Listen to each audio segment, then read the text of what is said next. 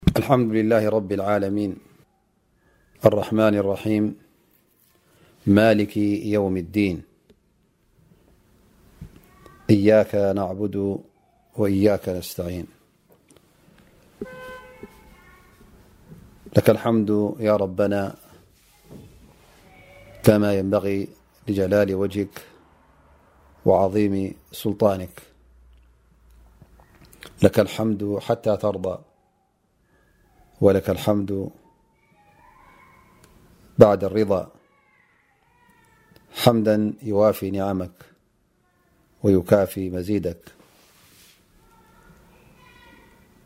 وأصل وأسلم على المبعوث رحمة للعالمين سيدي المرسلين قائد الغر المحجلين محمد بن عبد الله وعلى له وصحبه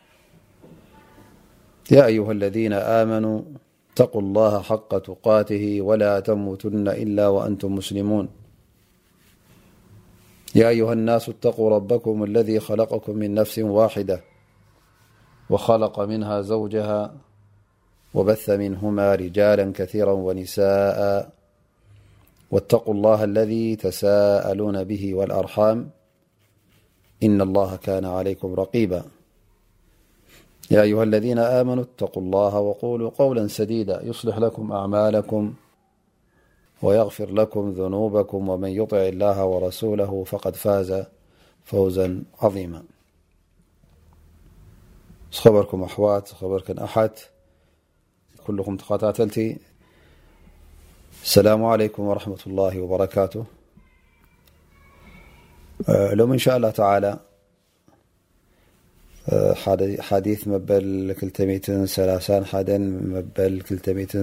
كربت بأحاديث شرح رياض الصالحين ل إن شاء الله تعالى ت تحسته ويكتراستي باب تعظيم حرومات المسلمين وبيان حقوقهم والشفقة عليهم ورحمتهم يبل مالت ت مثلات ني إسلام أحواتك مخبار كتره رها لمن كترح ممن كم زلك بأحاديثاتنىإن شاء الله عالىتقدميثبح عن أبي قتادة الحارث بن ربعي رضي الله عنه قال قال رسول الله صلى الله عليه وسلم إني لأقوم إلى الصلاة وأريد أن أطول فيها فأسمع بكاء الصبي فأتجوز في صلاتي كراهية أن أشق على أمه رواه البخار حر ل تر ال محم صلى الله عليه وسلم ث بل ا محمد صلى الله عليه وسلم نسلاة تسئ سجد نكل أنوح كب فت كنوح دل ብክያት ናይ ህፃን ናይ ቆልዓ ብድሕረይ ምስ ሰማዕኩ ነታ ሰላተይ የፍኩሳ ምእንቲ ኣዲኡ ንኸይትሽገር ይብሉ ነቢና ሙሓመድ ለ ላ ለ ወሰለም ካልኣይ ሓዲ يبل وعن جندب بن عبدالله رضي الله عنه قال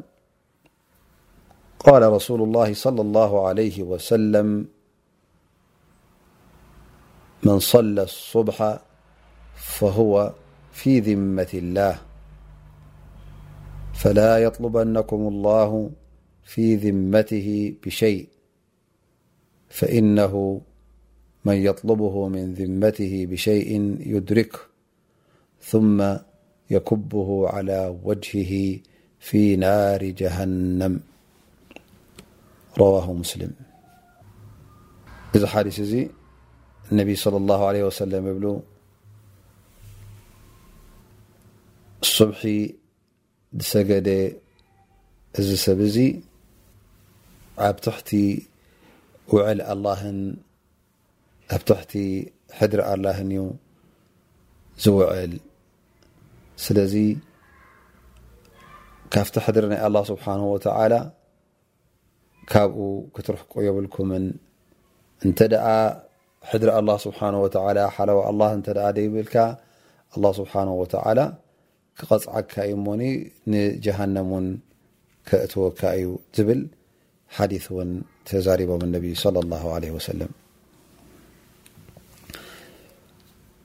እዞም ሎም መዓልቲ ዝጠቐስናዮም ንወስዶም ዘለና ኣሓዲት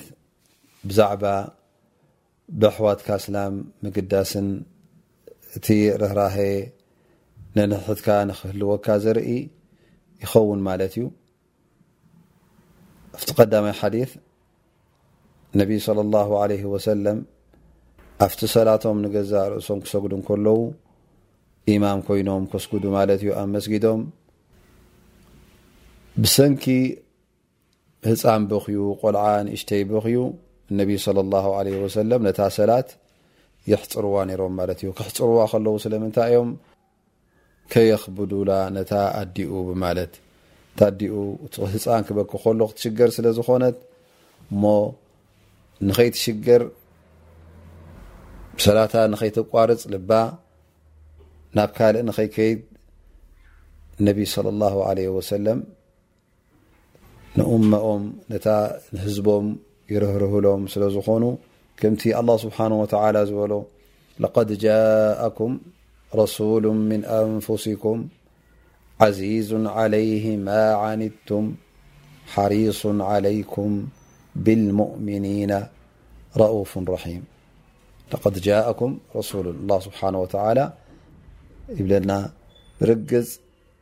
ልኡኽ ካባኹም ካብ ነብስኹም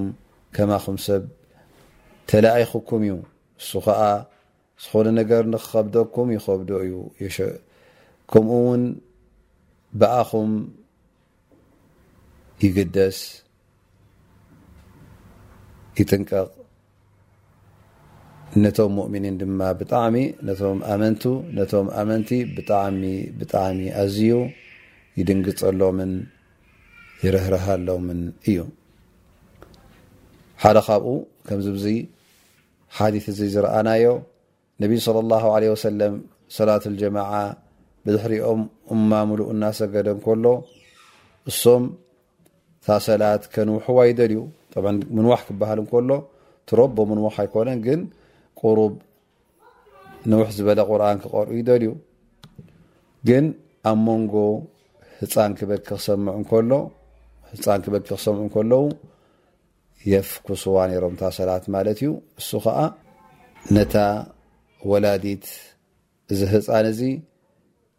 ንዓኣ ንኸየሸግሩ ምኽንያቱ እሳ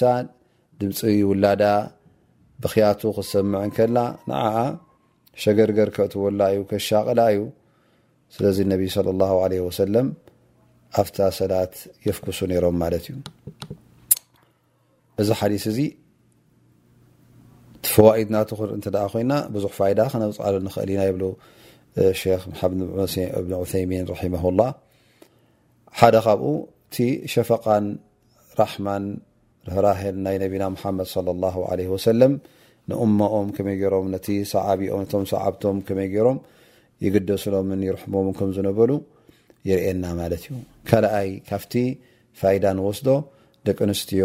መስጊድ ንኽመጻ ንኽሰግዳ ምስ ጀማዓ ይፍቀደለን ከም ምዃኑ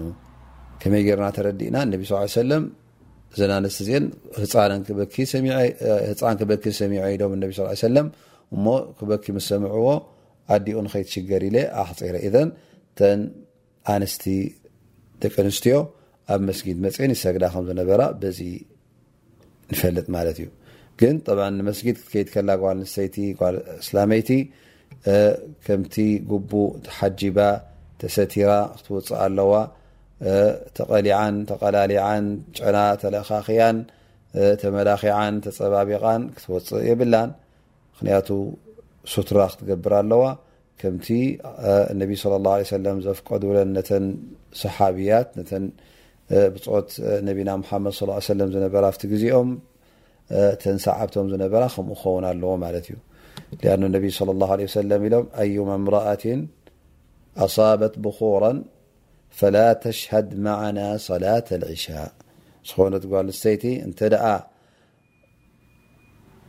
ጨና ከምዚ ዕጣን ማለት እዩ እንተ ተዓጢና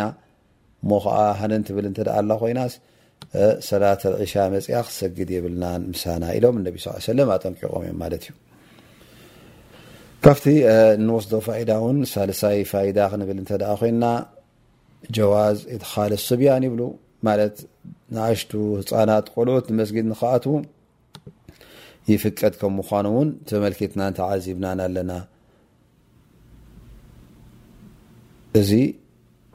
ከመይ ጌርና ተረዲእናዮ ነቢ ስለ ላ ሰለም ኣብቲ መስጊዶም ድምፂ ናይ ህፃናት ይሰምዑ ነሮም እናሰገዱ ከለዉ እሞ እቶም ህፃናት ንመስጊድ ይኣትዉ ከም ዝነበሩ ቀረባ መስጊድ ወላ እውን ኣብቲ ካንሸሎ ናይ መስጊድ ኣብኡ ይኹን መቸም ይመፁ ከም ዝነበሩ ይርእየና ማለት እዩ ላኪን ጠብዓ እቲ ሓዲ ከምቲ ዝረኣናዮ ጠብ ገለ ዑለማ እንታይ ኢሎም ምናልባሽ እቲ ብክያት ናይ ዝቆልዓ ዝበሃል ዘሎስ ኣብ ገዝኣ እንከሎ ኣብ ገዝኣ ያ ገዲፋቶ እንሳብ መስጊድ መፅያ እሞ ትሰምዖ ክበክ እንከሎ እሞ እሱእዮም እነቢ ስ ሰለም ዝጠቀሱ ዝበሉ ላኪን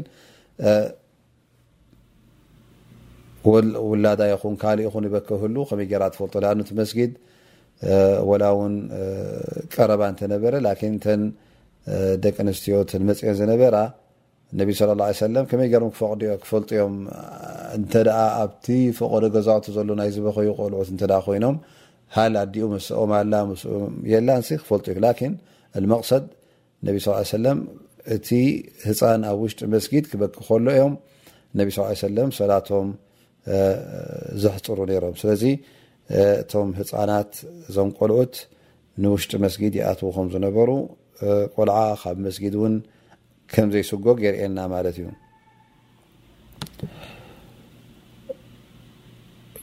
ገለገለ ሰባት ምክንያቱ ንቆልዑት ኣብ መስጊድ ክሪእዎም ከለዉ የባርርዎም የህድምዎም ማለት እዩ ክኣት ውን ኣይፍቅድሎም እተ እዞም ቆልዑት እዚኦም ኣብ መስጊድ ዝፃወቱ ኮይኖም ጎዩ ኮይኖም ንሰብ ዝርብሹ እተ ኮይኖም ሰግድን ዝቀርዕን እተ ረብሻ ዘምፅኡ እንተ ኮይኖም ወይ ከዓ ብነጃሳ ብገለ ዘይግደሱ ኮይኖም ነቲ መስጊድ ዘርስሑ እንተ ኮይኖም ክሰጎጉ ጌጋ ኣይኮነን ላኪን እንተ ነዚ ነገራት እዚ ዘይገብር ኮይኑ መስጊድ ሕዝካያ ክትከይድ ቆልዓ ምንም ሽግር የብሉን ላኪን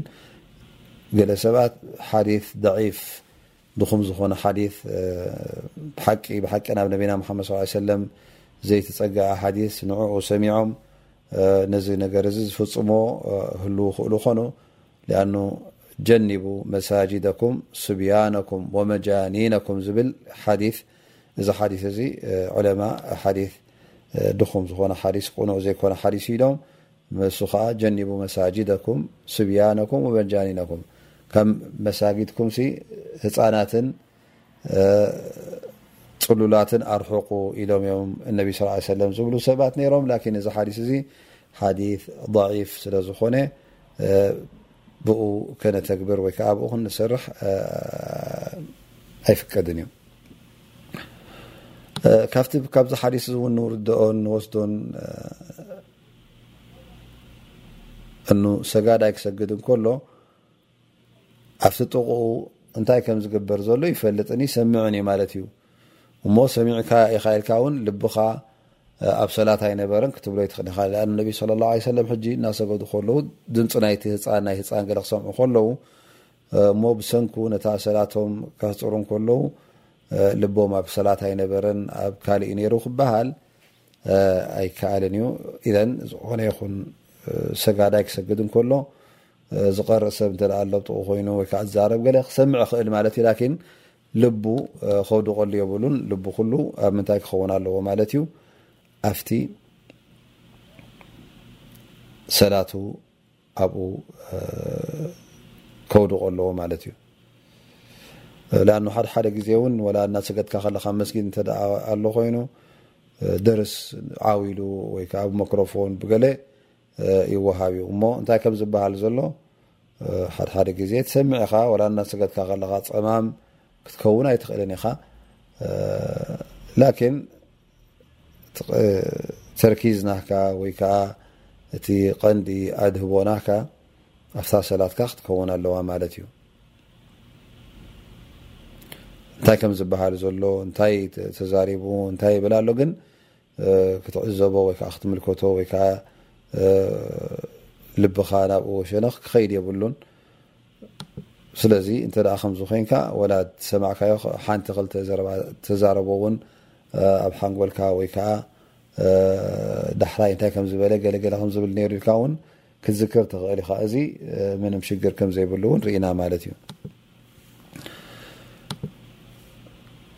ከሊክ ካብቲ ፈዋኢድ ናይዚ ሓዲት እዚ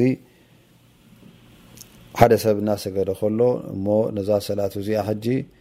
ንያ ነይርዎ መሰለ ነዋሕ ሱራ ንክቀርእ ላኪን ኣብ መንጎ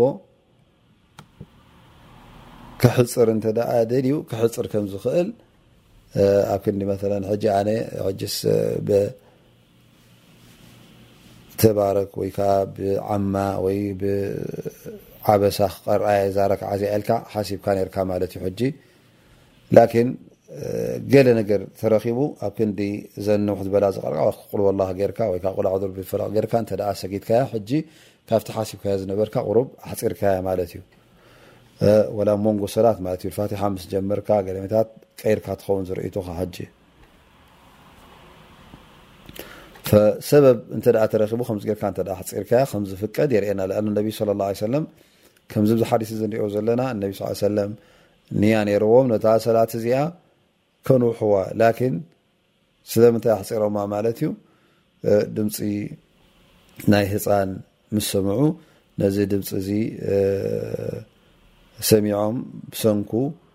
እታ ኣዲኡ ንኸይትሽገር ኢሎም እነቢ ስ ላ ሰለም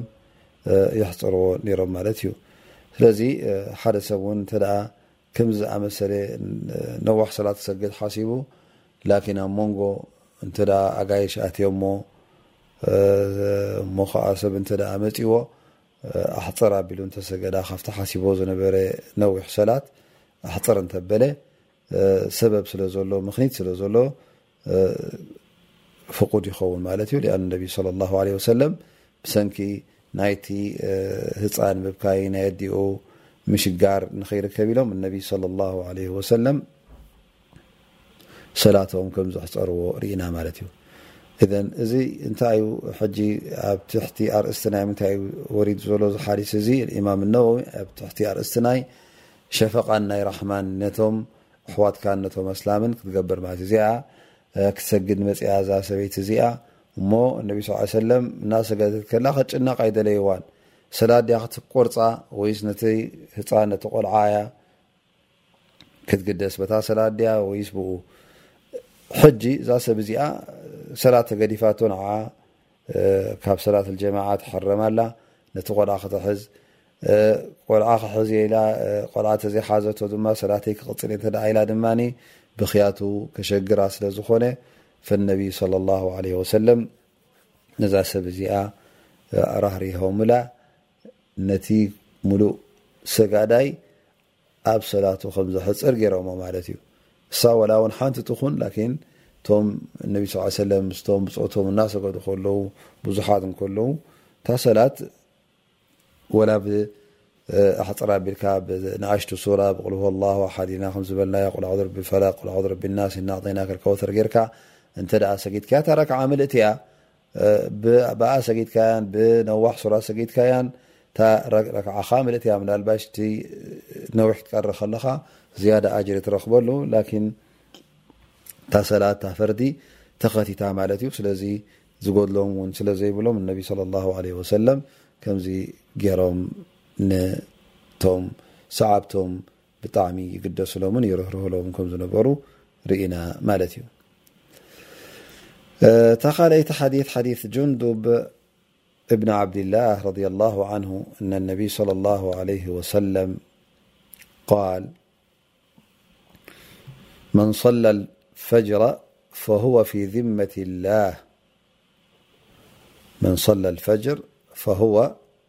ፊ ዚመት ላህ ጠብዓ ሰላት ፈጅር ጠብ ክበሃል ከሎ እታ ሰላት ማለት እዩ ቀዳመይቲ ዑለማ ገለ እቲ ሰላት ክርትብዎ ወይ ከዓ ክሰርዕዎ ከለዉ ፈጅሪ ቀዳመይቲ ድሕሪኣ ዙህሪ ድሕሪኣ ዓስሪ ድሕሪኣ መቅሪብ ድሕሪኣ ዕሻ እዚ ሓደ ክልተ ሰለስተ ይብሉ ማለት እዩ ገለ ዑለማ ድማ መጀመርያ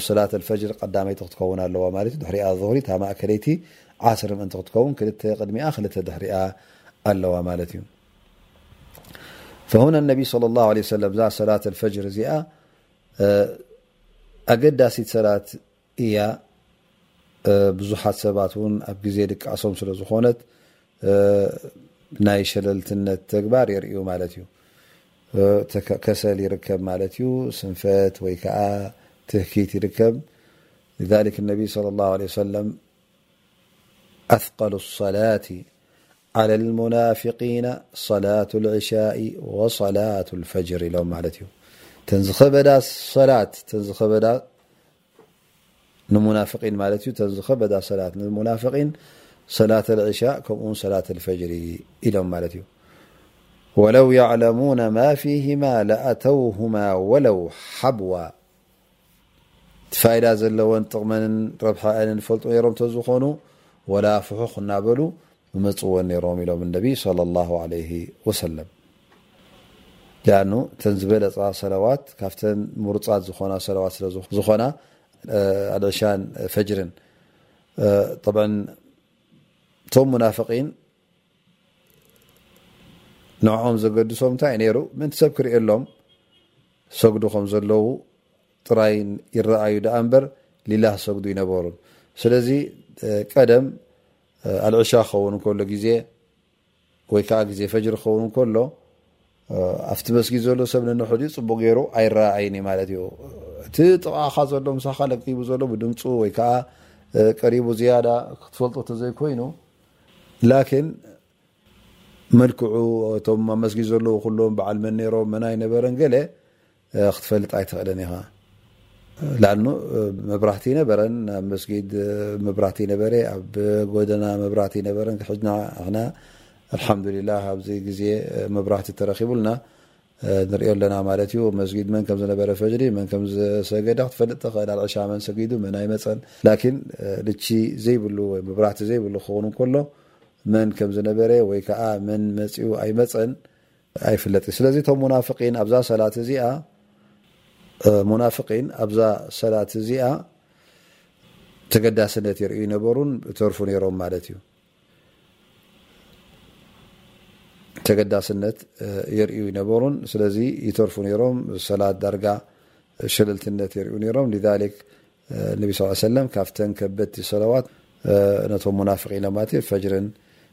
ኣልዕሻን ኢሎም ማለት እዩ لكن طبعا ذن سلوات صلاة الفجر عب بل الو بل النبي صلى الله عليه وسلم يقول ي صلى لي وسلم من صلى البردين دخل الجنة عن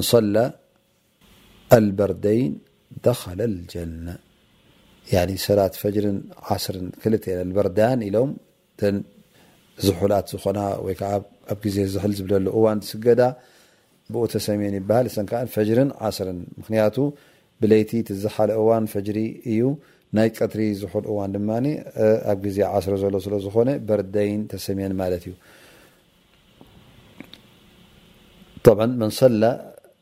ፈጅር ክብሉ ከለዉ ሕጂ ነቢ ስለ ላ ሰለም ሰላት ፈጅር ዝሰገደ ኣብ ጀማዓ ይበሉን ስለዚ ይብሉ ዑለማ እቲ ዛሂር ሓዲ ከምቲ ንሪኦ ዘለና ሰላት ፈጅር ዝሰገዳ ክበሃል እንከሎ እቲ ኣብ ጀማዓ ዝሰገዳን ወላ በይኑ ዝሰገዳን ኩሉ እቱው ዩ ይብሉ ዑለማ ማለት እዩ ኩሉ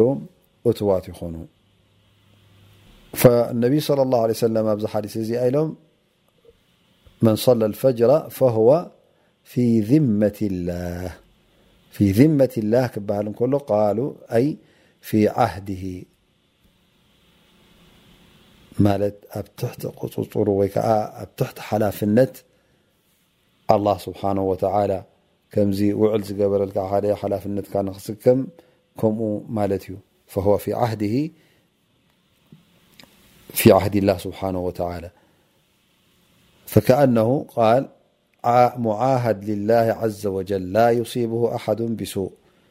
ማለት ገለ እከይ ነገር ንኸይነኽኦ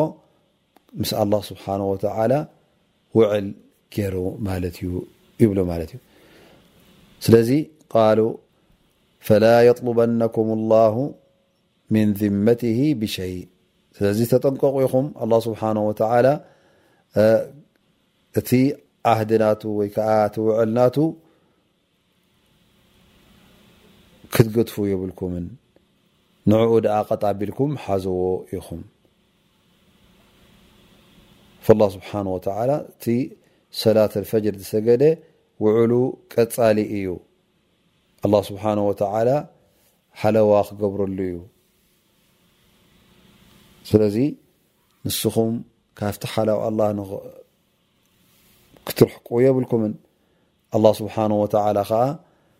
ኣብዚ ነገር እዚ ክስእነኩም የብሉን ኩሉ ግዜ ኣብ ትሕቲ ሓለዋናቱን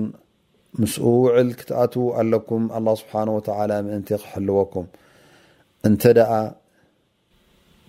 እዚ ነገር ዘገበርኩም ኣላህ ስብሓን ወተዓላ እንተ ደኣ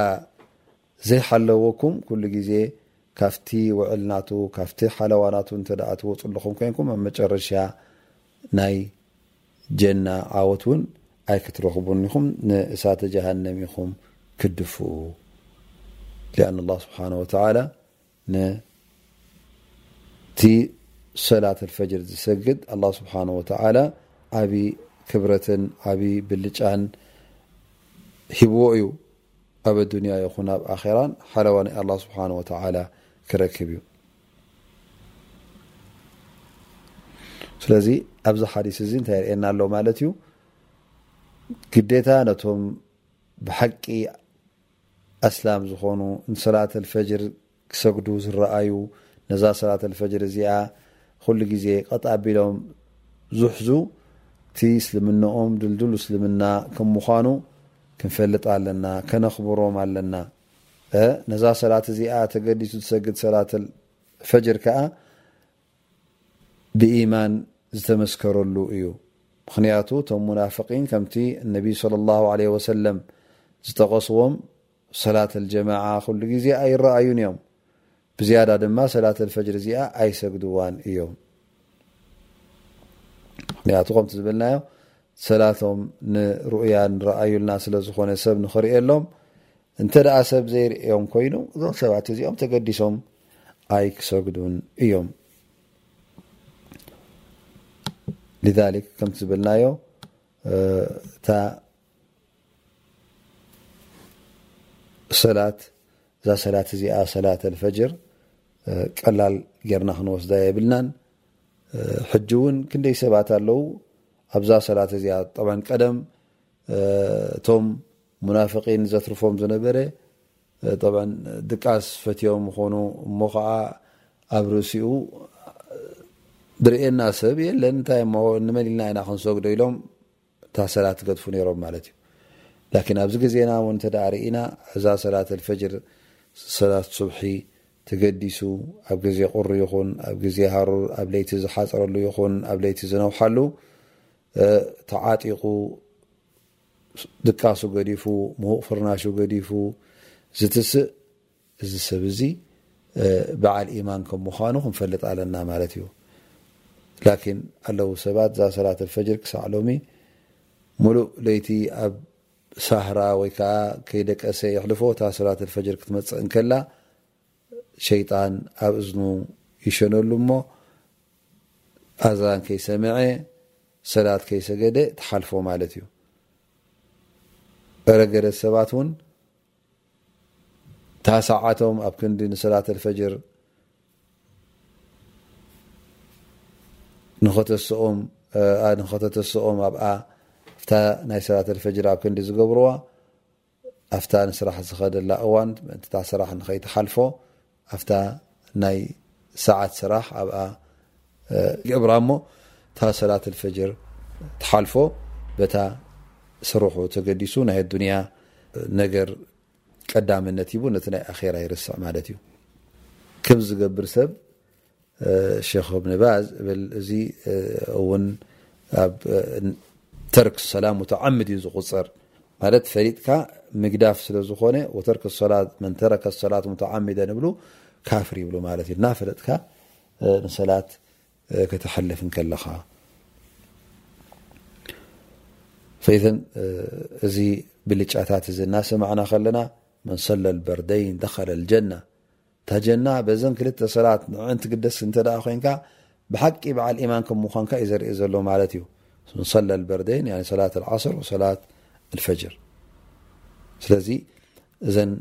ሰላዋት እዚአን ክንግደሰለና ኣለና ቀዳምነት ክንህበና ኣለና እቲ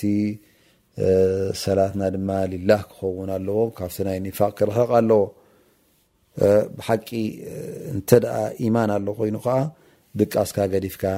ስራሕካ ገዲፍካ ዕረፍትኻ ገዲፍካ ፀወታ ገዲፍካ ናበይ ኢኻ ትኸይድ ናብ ሰላት ኢኻ ትኸይድ ማለት እዩ ስለዚ ብድቃስ ይኹን ብዕረፍቲ ይኹን